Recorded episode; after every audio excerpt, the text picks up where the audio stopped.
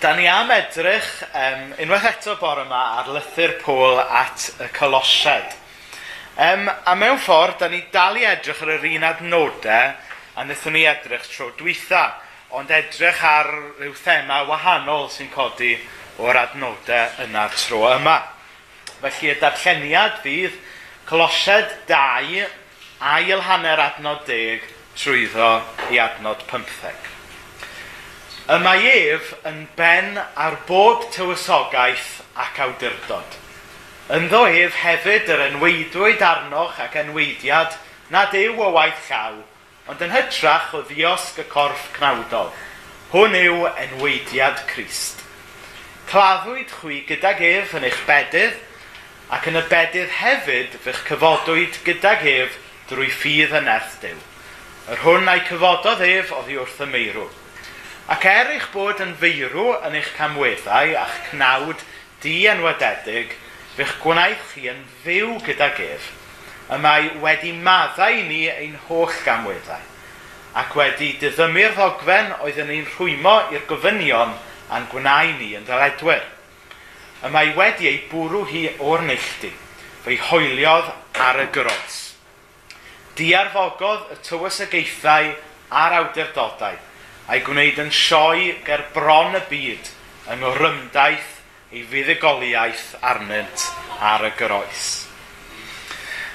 A'n benodol yr hyn i ni am edrych arno bore yma ydy'r hyn sydd reit ar y dechrau y mae ef yn ben ar bob tywysogaeth ac awdurdod ar beth ar y diwedd. Di arfogodd y tywysogaethau a'r awdurdodau a gwneud yn sioi ger bron y byd. Felly, da ni bore yma feddwl ynglyn â'r cwestiwn o sut mae Iesu ac awdurdod dros dywysogaethau ac awdurdodau tywych, tywyd sywysgaethau ac awdurdodau y byd yma, a sut mae Iesu wedi cychwyn i deyrnas ef a bod ni'n cael y fraint o fod yn ddinas syfion yn ei deyrnas ef. Felly dyna yn fras i ni'n mynd i edrych arno fe bore yma. Ond y gyntaf, atgoffa chi lle da ni wedi cyrraedd hyd yma. Mi oedd hwn yn lythyr at grisnogion ifanc, felly mae e'n llawn um, dalweddau ynglyn â bod nhw angen gwreiddio i ffydd newydd yn Iesu Grist. Mae Paul yn gosod y darlun mawr, a mewn ffordd rhywfaint o'r darlun mawr fydd gyda ni unwaith eto bore yma. Ond mae Paul wastad yn pwysleisio ar ôl gosod darlun mawr, bod gwahoddiad personol i bob un ohono ni dderbyn Iesu a cymryd yn lle yn y cynllun mawr hyfryd yma sydd gan Iesu i adfer ac yn ygma ddeiant i bawb. Felly dyna lle ni wedi cyrraedd hyd yma. Ond dyma y ddau adnod a'r thema i ni am fyfyrio drosto fe'n bore yma. Nawr er mwyn deall pwyslais Pôl fan hyn, mae angen rhywfaint o gefndir. A wnaethon ni gyffwrdd ar hyn tro dwytha. Nawr, cefndir lot o lythyrau Pôl yw llythyrau sydd wedi cael ei sgwennu ganddo fe pan oedd e yn y carchar yn benodol yng ngharchardau yr ymerodraeth rhyfeinig. A mi oedd e'n sgwennu llythyrau i grisnogion oedd yn byw yng nghysgod yr ymerodraeth rhyfeinig. Ac um, A pan i ni meddwl ynglyn â'r tywysogaethau a'r awdurdodau yma oedd Paul yn siarad amdano nhw, mae'n siŵr mi oedd lot o bethau mewn meddwl gyda fe. Yn un peth, oedd e mwy na thebyg yn sôn am dywod, dywysogaethau ac awdurdodau tywyll y byd yma. Hynny yw, y reality yna, bod yna bwer drwg yn y byd yma, bod yr un drwg satan ar waith yn y byd. A mae'n bwysig bod ni fel Cresnogion yn ymwybodol o hynna, ond ddim yn rhoi gormod y sylw iddo fe, os chi'n deall beth sydd gyda fi. Felly dyna un math o awdurdod y tywysogaeth oedd Iesu ac awdurdod drosto fe. Oedd awdurdod gyda fe dros bethau drwg yn y byd. Ond yn benodol hefyd, dwi'n meddwl fod Paul yn siarad fan hyn am yr ymerodraeth lythrenol, yr ymerodraeth rhyfeinig oedd e yn byw yn ei gysgoda e, a lot o'r Cresnogion cynnar yma yn byw yn ei gysgoda. Um, e. nawr, yn amser Pôl, mi oedd lot, mi oedd yr ymyrodraeth Rufeinig, oedd e yn rhywbeth tu hwnt o bwerus. Mi oedd e yn bwerus yn wleidyddol, dyma oedd y political superpower ar y pryd, Mi oedd e yn bwerus yn economaidd, dyma oedd yn rhedeg yr economi a masnach ac arian y byd oedd Paul yn byw yn dod e. Ond hefyd, ochr yn ochr hynna, mi oedd yna rhywbeth bron a bod crefyddol ynglyn â'r ymerodraeth Rhufeinig, oherwydd cwlt y Cesar. Nawr dyma oedd yr ymerodraeth Rhufeinig yn amser Pôl, a, a mi oedd e yn ymyrodraeth fawr yn doedd yn rhedeg um, o wlad y Beibl trwy Ewrop a bron a cyrraedd Pryden, wrth gwrs chydig, um, chydig oh, ddim yn siŵr am hanes nawr, chydig degawden eoli a chydig ganrifoedd wedyn, fe groesodd e'r sianel a, a meddiannu yn Pryden hefyd.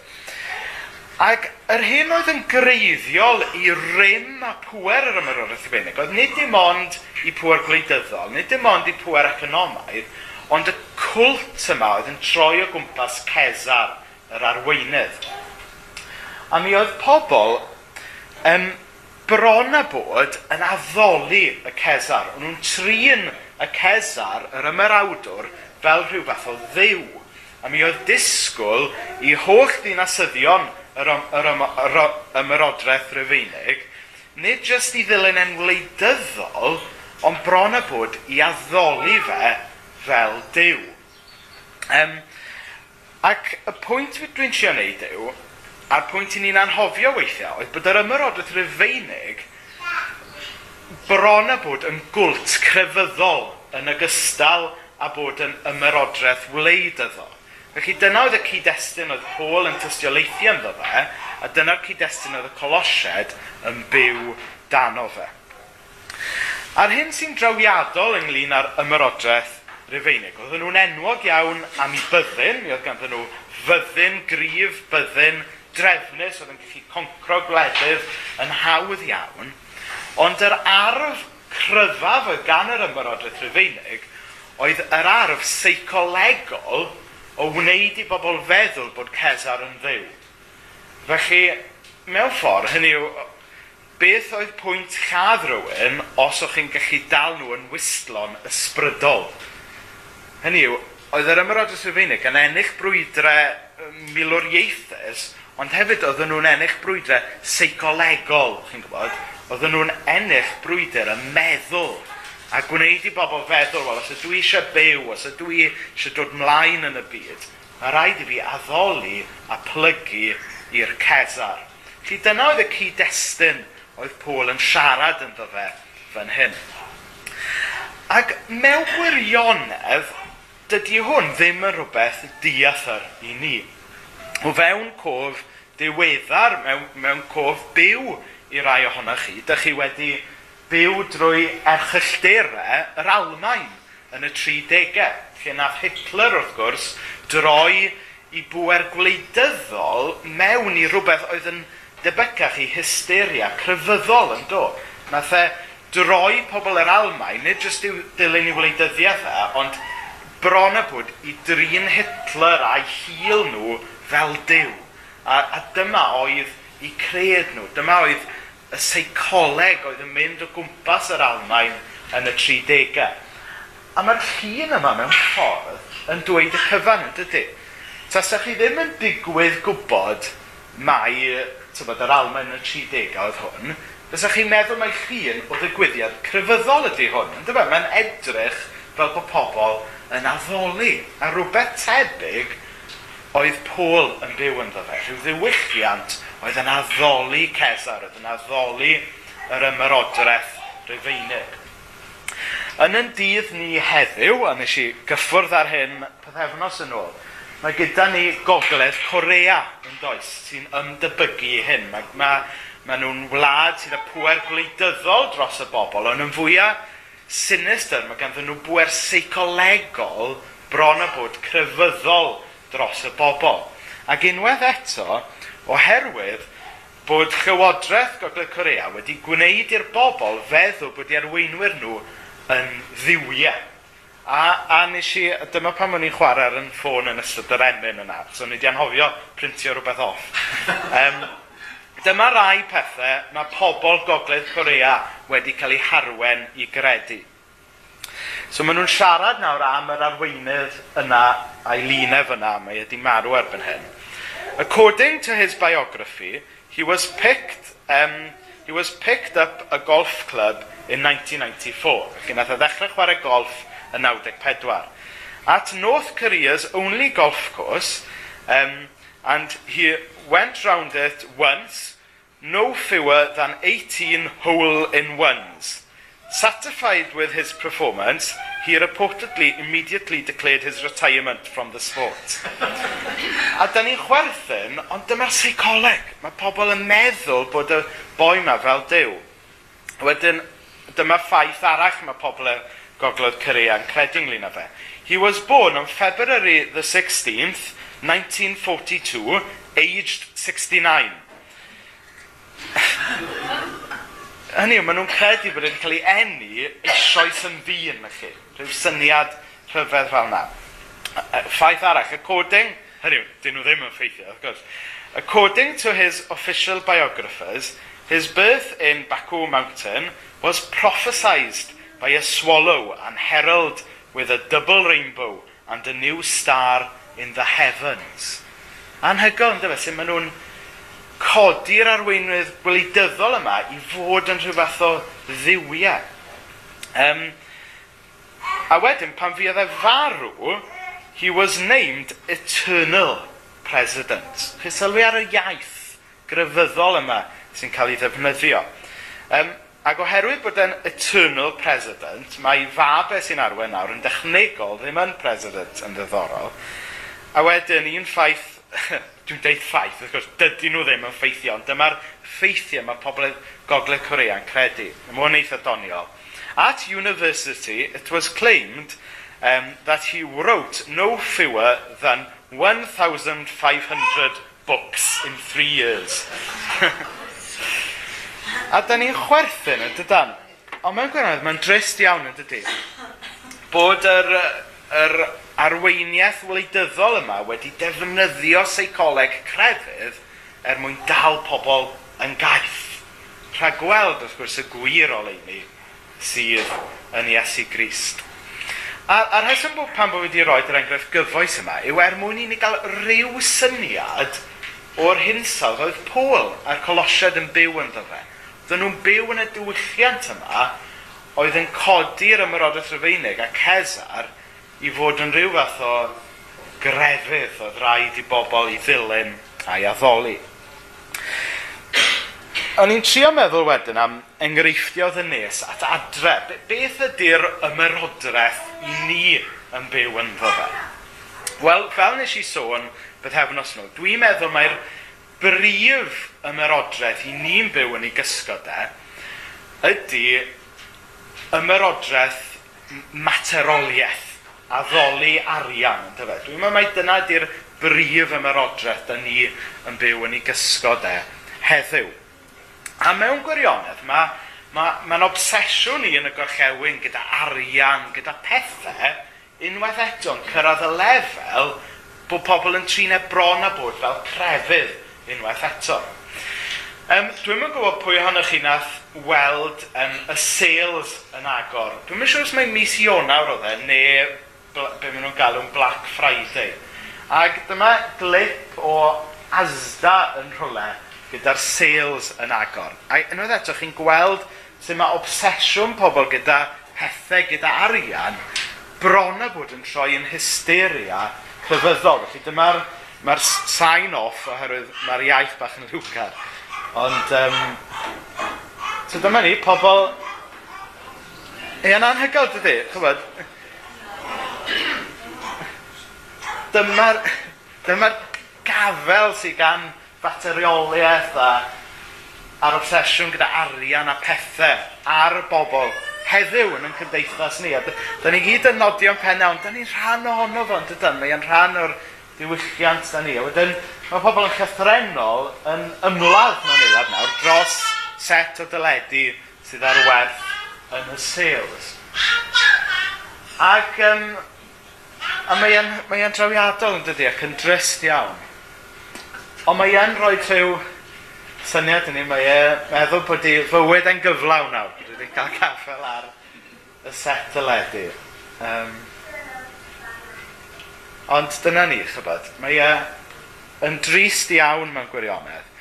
Ond yr oedd rhyw snapshot i ni o'r ymerodraeth i ni yn byw yn ei gysgod. E. Lle mae pobl a ni yn aml yn cael yn tynnu mewn i'r byd sy, sy ag obsesiwn bron a bod yn grefyddol ynglyn ag arian, ynglyn â pethau, gan feddwl bod hwnna mynd i lenwi y gwacta, gan feddwl bod hwnna mynd i ddod a goleini mewn i'n bywyd ni.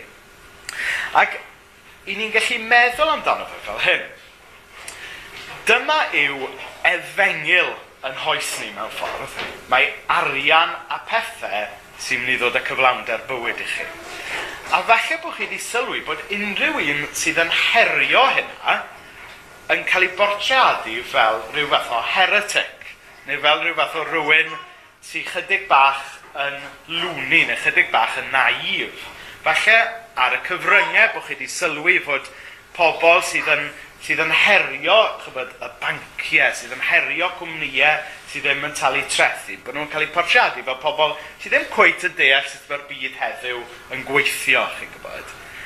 Um, ac ddys i ar draws y, y, diffyn, y dyfyniad yma, wy'n yn gwybod lot am yr gŵr yma, felly wy'n rhoi seil bendith chwyr anno fe, ond, ond mae'r dyfyniad yma yn dweud llawer. When I fed the hungry, They called me a saint.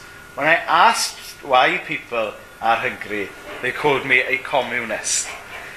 A mae'n drawiadol yn dydy, sut mae pobl sydd yn herio crefydd yn dydd ni, sef arian a materoliaeth, yn sydyn reit yn cael ei trin fel rhywbeth o heretics neu rhyw bobl od ar y fringes fel petai. Nawr dwi wedi peintio'r cefndir yma jyst er mwyn i ni ddo mewn i'r byd a'r cyd-destun oedd Paul yn siarad amdano fe. Mi oedd e'n siarad am efengil oedd ben-ben gyda gwerthoedd y byd oedd e yn byw yn fe. Oedd e'n siarad fel chefarydd ymerodraeth oedd ben-ben gyda'r ymerodraeth oedd yn bwerus yn ei ddydd, sef ymyr, ymyrodraeth Rufeinig a cwlt y Cesar. Nawr trwy um, i lythyrau, mae Paul yn rhannu yr efengil. A pan i ni'n meddwl am yr efengil, neu crynodeb o beth yw'r efengil, byddwn ni fel arfer a, ac yn gywir iawn yn rhoi rhyw grynodeb o'r ffydd grisnogol, bod ni wedi syrthio fel pechaduried bod Iesu wedi dod mewn, marw ar y groes, at gyfodion er mwyn i ni gael maddeiant a byw. Dyna grynodeb o'r efengil. Ond pan oedd Paul yn siarad am yr efengil yn y cyd-destun yma, mi oedd rhywbeth fwy penodol gyda fe mewn golwg. Beth oedd Paul yn golygu oedd y cyhoeddiad fod y meseia wedi dod. Y cyhoeddiad fod yna ymyrodraeth arall wedi cael ei sefydlu nawr. Um, fel mae'n ma dweud ar y bwrdd, mi, mi oedd ystyr y fengel i Paul oedd cyflawniad o beth oedd yr hen testament wedi addo. Sef bod yna feseia ar y ffordd i Israel a bod yna arglwydd ar y ffordd i ddod am y ddeiant i'r holl genhedloedd. Ystyr cyhoeddi yr efengil i Pôl oedd cyhoeddi brenhiniaeth Crist. Ac yng nghanol hwnna mi oedd maddeiant bechoda a'r manylion i gyd, chybod, i ni yn mynd mewn iddo fe. Ond ystyr symlaf yr efengil i Pôl oedd cyhoeddi bod na deyrnas arall nawr wedi sefydlu oherwydd i frenin y deyrnas yna ddod mewn i'r byd a sefydlu deyrnas drwy farw dros i elynion ac atgyfodi i arwen y deyrnas yna. Um, nawr, mi oedd hwn, wrth gwrs, yn efengil, yn y cyd-destun da ni newydd edrych am fe, yn efengil, y neges radical, mi oedd y neges beryglus, a mi oedd y neges subversif iawn yn doedd. Yn y byd yma oedd yn deitha chi addoli Cesar, Oedd Paul yn sydyn reit yn dweud, wel na, mae yna gesar mwy, neu mae yna arglwydd, arglwyddi, mae yna frenin brenhinoedd. Iesu Grist. A mae hwn yn neges radical iawn yn ei gyd-destun, yn dydy. Mewn byd oedd yn deitha pobl a ddoli Cesar, mae Paul yn deitha pobl a ddoli Iesu. Mewn byd lle mae pobl heddiw yn meddwl mai mewn arian a pethau mae cael gwerth bywyd, da ni'n gallu rhannu na. Mae yna deyrnas arall, mae yna frenin arall sy'n dod â gwerth, sy'n dod â pwrpas i'n bywydau ni, sef Iesu Grist.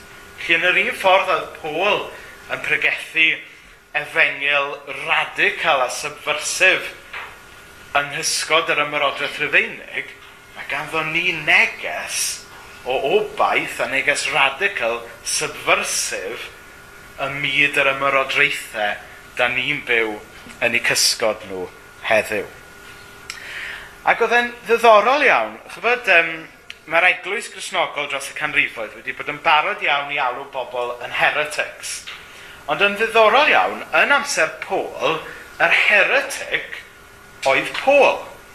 Oherwydd yr efengil swyddogol oedd addoli Cesar.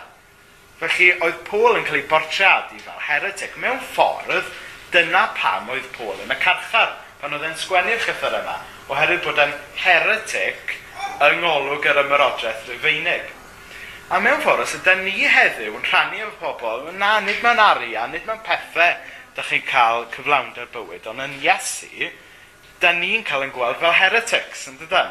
Yng ngoleini yr ymerodraeth ar, ariangar da ni'n byw ynddo fo heddiw. Nawr, be ydy oblygiadau hyn? Be ydy oblygiadau bod Iesu yn ben yn dros bob tywysogaeth ac awdurdod? Wel, un o oblygiadau hyn yw yn bod ni, pobl Iesu sydd wedi credu a derbyn Iesu, bod ni nawr yn lys genhadon i deyrnas arall yn y deyrnas yma. Um, a pawb y deall beth ydy llys genhadon. Maen nhw'n mynd i wlad arall i gynrychioli buddiannau y wlad sydd wedi hanfon nhw. A mewn ffordd dyna, da ni nawr. Da ni ddim yn cael yn galw i dynnu allan o'r byd yma. Da ni'n cael yn galw i fod yn lys genhadon i deyrnas Iesu yng nghanol y byd sydd ohoni. Da ni'n cael yn galw i fyw bywydau yn y deyrnas yma o fel tasyn ni'n perthyn i deyrnas Iesu. Da ni'n cael yn galw i fyw bywyd, da ni'n methu mewn am cyfieithiau Cymraeg, counter-cultural. Chi'n deall beth ystyfu? Um, da ni'n cael yn galw i, i beidio, nid i beidio rysio i'r sales fel y bobl yma, Ond dyleiau beidio rhoi gwerth i'r pethau yma, chi'n gwybod. I gyfru yn gwerth ni yn y trysor sydd yn y nef. I gyfru gwerth i fywydau pobl, nid o ran beth ydy i gwerth nhw'n ariannol, ond beth ydy i gwerth nhw yng ngolein ffaith bod Dyw wedi yn creu ni a bod Dyw wedi marw dros ni. Mae hwnna'n amlwg iawn, dwi'n meddwl. Um, Mae'r byd yma heddiw dim ond yn cyfri gwerth i bobl, gyhyd a bod nhw'n cyfrannu rhywbeth i'r economi. Da ni wedi clywed hynna yn aml ar y newyddion, ydych A dwi'n gwybod bod rhai ohonoch chi fan hyn wedi ymddeol, a ydych chi'n cyfrannu dim i'r economi. Da chi, da chi ddim gwerth dim byd. Um, neu pobl sydd am pa bynnag reswm yn ddiwaith. Bod pobl yn, o, oh, mae ma, ma, does ddim gwerth i'r person yna, dyn nhw ddim yn cyfrannu i'r economi a chi hyll yn dyfa. Ond dyna mae'r ymerodredd da ni'n byw yn ddefa. Dyna sy'n maen nhw'n gweld pobl. Dyma nhw'n gweld gwerth i bobl, cyd y bod gwerth a arian iddyn nhw. Ond mae'r efengel cysnogol yn, yn wahanol. Mae'r efengel cysnogol yn gweld gwerth i fywyd pob un ohono ni. Achos bod Dyw wedi'n creu ni, a bod Dyw wedi marw drosta ni. Os oes unrhyw un fan hyn yn meddwl, oh, i be ydw i werth? Mae Iesu di marw drosta chi. Dyna pa mor werthfawr ydych chi yng ngolwg Dyw. A mae hwnna'n neges hyfryd yn dydi i fyd sydd dim ond yn cyfri gwerth i fod y pobl os ydyn nhw'n cyfrannu rhywbeth i'r economi neu rhywbeth. Mae hwnna'n neges subversif iawn, mae hwnna'n neges radical iawn. Nawr, dwi am orffen drwy siarad am yr adnod yma, Colosiau 2, 15. Dyma, dwi'n meddwl, ydy fy hoff adnod i yn y Beibl i gyd. Um, chydig um, flynyddoedd yn ôl, nath yn chwaer i, oedd yn chwaer i mewn i, chyfod, amlwg bod babi ar y ffordd. Oedd hi'n neud, tyfod, rhyw, er, be chi'n galw, chyfod, pan chi'n gwynio rhyw batrwm ar rhyw sheet a wedyn ei fframio fo. Be da chi'n galw hynna? Tapestry neu cross-stitch, cross-stitch na ni. So i'n meddwl, o anreg nadolig neis na, dyma hi'n anfon neges y teulu gyd, be ydych hoff adnod chi? A, dyma, a ddim yn deud pam, Um, a dyma fi yn danfon hwn iddi. Dyma'n hoff adnod i et. So nawr mae gen i hwn fyny ar y wal. Sy'n, dyma'n hoff adnod i. Dwi ddim o'r heidwydd yn un byddwch chi eisiau fyny ar y wal na. So, byddwch chi eisiau rhyw salm neu rhywbeth yn byddwch chi. So, dyma geis i un adolyg. Di arfogodd y tywysogaethau a'r awdurdodau a gwneud yn sioi bron y byd yng ngoryndaeth i fuddugoliaeth arnynt ar y groes. A'r rheswm pan bod fi mor hoff ar adnod yma yw achos bod e'n dangos bod Iesu wedi ennill, bod e'n dangos bod Iesu ac awdurdod dros holl dernasoedd y byd yma, yn ymyrodraeth Rufeinig, yn Gogledd Corea, yn fateroliaeth. Mae Iesu wedi ennill, mae Iesu yn drech dros y pethau yma. Ond beth dwi'n arbennig o hoff am yr adnod yw bod e'n dangos bod Iesu wedi i curo nhw drwy droi y cyfan ben i wairad. Os chi'n meddwl am chwildroadau y byd yma, maen nhw i gyd yn dod allan o derfysg, o drais neu dia. Ond mae Iesu wedi sefydlu deyrnas drwy farw dros i elynion, nid drwy giro i elynion. Chi'n eich besafu? Ac felly mae teyrnas Iesu Gris mor wahanol i deyrnasoedd y byd yma. Mae, mae Iesu mewn ffordd drwy farw'r groes wedi tynnu'r carpet moped o dan teirnasoedd y byd yma, dydy. Um, a'r ddelwedd mae Paul yn defnyddio yn yr adnod yma yw delwedd oedd yn gyfarwydd unwaith eto yn yr ymerodraeth Rufeinig. Pan oedd byddinoedd yr ymerodraeth Rufeinig yn, yn curo ac yn cymryd drosto gwledydd a tiroedd, mi oedden nhw yn hel y caethweision, mi oedden nhw'n hel yr arian ar air, wedyn yn goron deithio nôl i Rifain, yn curo ar borth y ddinas, um, a wedyn oedd y Cesar yn ei gwahodd nhw i, ar brosesiwn mewn i'r ddinas, i rola cyhoeddus fel y Colosseum, ac wedyn yn, yn rhannu y caethweision a'r air a'r arian gyda'r ddinas. Felly chwarae ar y syniad yma mae Paul fan hyn drwy ddweud bod Iesu nawr yn arwen prosesiwn. Ond nid byddin sy'n arwen prosesiwn Iesu, ond Iesu hun yn cario i groes. A bod buddigoliaeth Iesu nid yn dod drwy ennill rhyfel, ond drwy farw ar y groes, dros i elynion er mwyn i ni gael maddeiant. Chi yn sydyn iawn rhai oblygiadau i hyn. Nawr, oedd pwysau mawr ar y colosied i gyd yn ffurfio ar ymyrodraeth Rhyfeinig, i addoli Cesar, i aberthu pethau er mwyn cael bywyd cyfforddus yn yr ymyrodraeth Rhyfeinig. Ond mae dinasyddion Tenas Crist yn cael ein galw nid i gyd yn ffurfio ag ymyrodraeth y byd yma, ond i draws ffurfio yn bywydau a pethau byd yma, a ni'n gweld yr adnod yma, a pheidiwch â chyd yn ffurfio'r byd hwn, ond bydded i chi gael eich traws ffurfio drwy adnewyddu eich meddwl er mwyn i chi allu canfod beth yw ei ewyllus, beth sy'n dda derbyniol a pherffaith yn ei olwg olwgydd.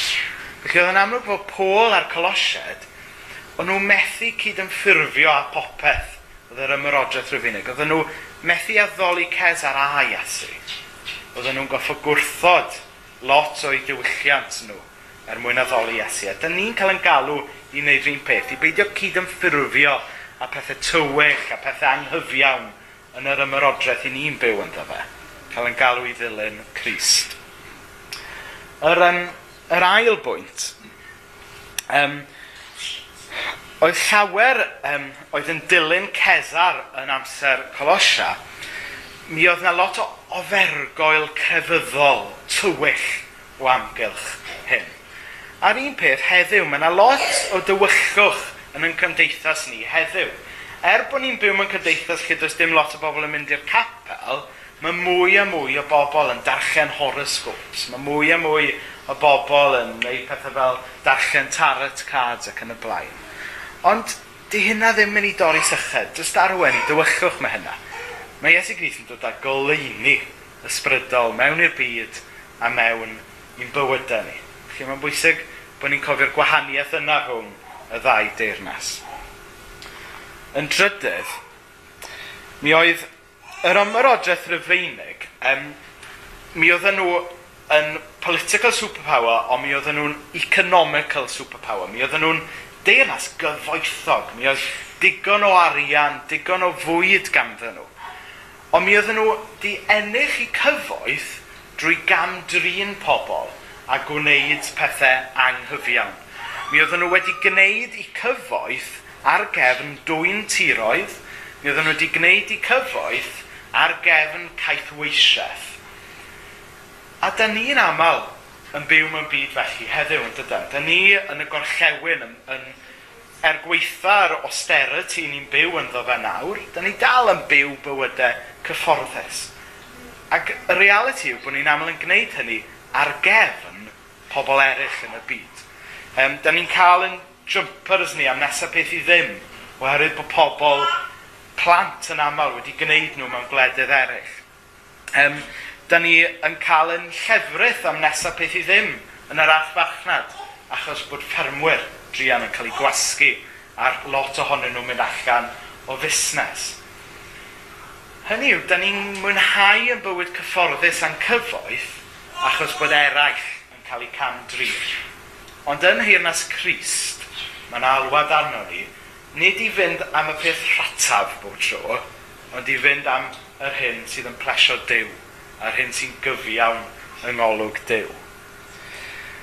A wedyn, yn olaf, Um, Mae'n bwysig bod ni'n cofio bod tenas Crist wedi cael ei sefydlu drwy aberth. Nid drwy drais, nid drwy orchfygu, ond drwy aberth Iesu ar y groes. Ac felly mi ddylen ni fod yn bobl sy'n byw yng ngoleini hynna. Gan bod Iesu wedi marw dros da ni, fe ddyle y fi fawr nawr farw. Dylen ni farw i'n hunan. Dylen ni fyw bywydau hunan aberthol dros Iesu a dros yn gilydd. Um, yr hyn sy'n anhygoel am yr ymyrodraeth Rufeinig yw y mwyaf oedden nhw yn lladd Cresnogion, yn llythrenol yn lladd Cresnogion, mwyaf oedden nhw'n carcharu Cresnogion, y mwyaf oedd teimlas Christ yn lledu. A, a mae hwnna'n rhywbeth hyfryd am ffydd grisnogol. Wrth i'r eglwys grisnogol gael ei taro, gael ei lladd, y mwyaf mae'n lledu. A'r enghraifft, um, dwi di, rhai o chi oedd yn bala o, gwybod lle dwi wedi dwy'n y ddalwedd yma. Um, y planhigyn yma, dant y chew, dandi laia. Chybod pan mae e'n cyrraedd y pwynt yna yn y flwyddyn yna, chi'n dale, a chi'n e, chi lladd y planhigyn, chi'n chwythu fe, a mae'r hadau gyd i mynd. Ond wrth gwrs, chydig fysoedd wedyn, mae'r un planhigyn yna sydd wedi marw nawr yn esgor ar lwyth o fywyd, neu llwyth o chwyn os ti'n trio tyfu lawnt. A mae hwnna'n ddelwed, dwi'n meddwl, o sut mae teirnas Crist yn cedi, yn dydy. Wrth i Iesu farw, fe nath y ddod â bywyd. Wrth i ni ddysgu beth yw bywyd hunan aberthol, fe fydd teirnas Christ yn lledu yn y dref yma, yn y wlad yma, yn y byd yma hefyd. Felly mae hwn wedi bod yn bregaeth reit drwm, ond dwi'n meddwl bod yn dysgu gwers bwysig i ni. Sut mae byw fel dinasyddion teirnas Christ yng nghysgod teirnasoedd y byd yma. Amen.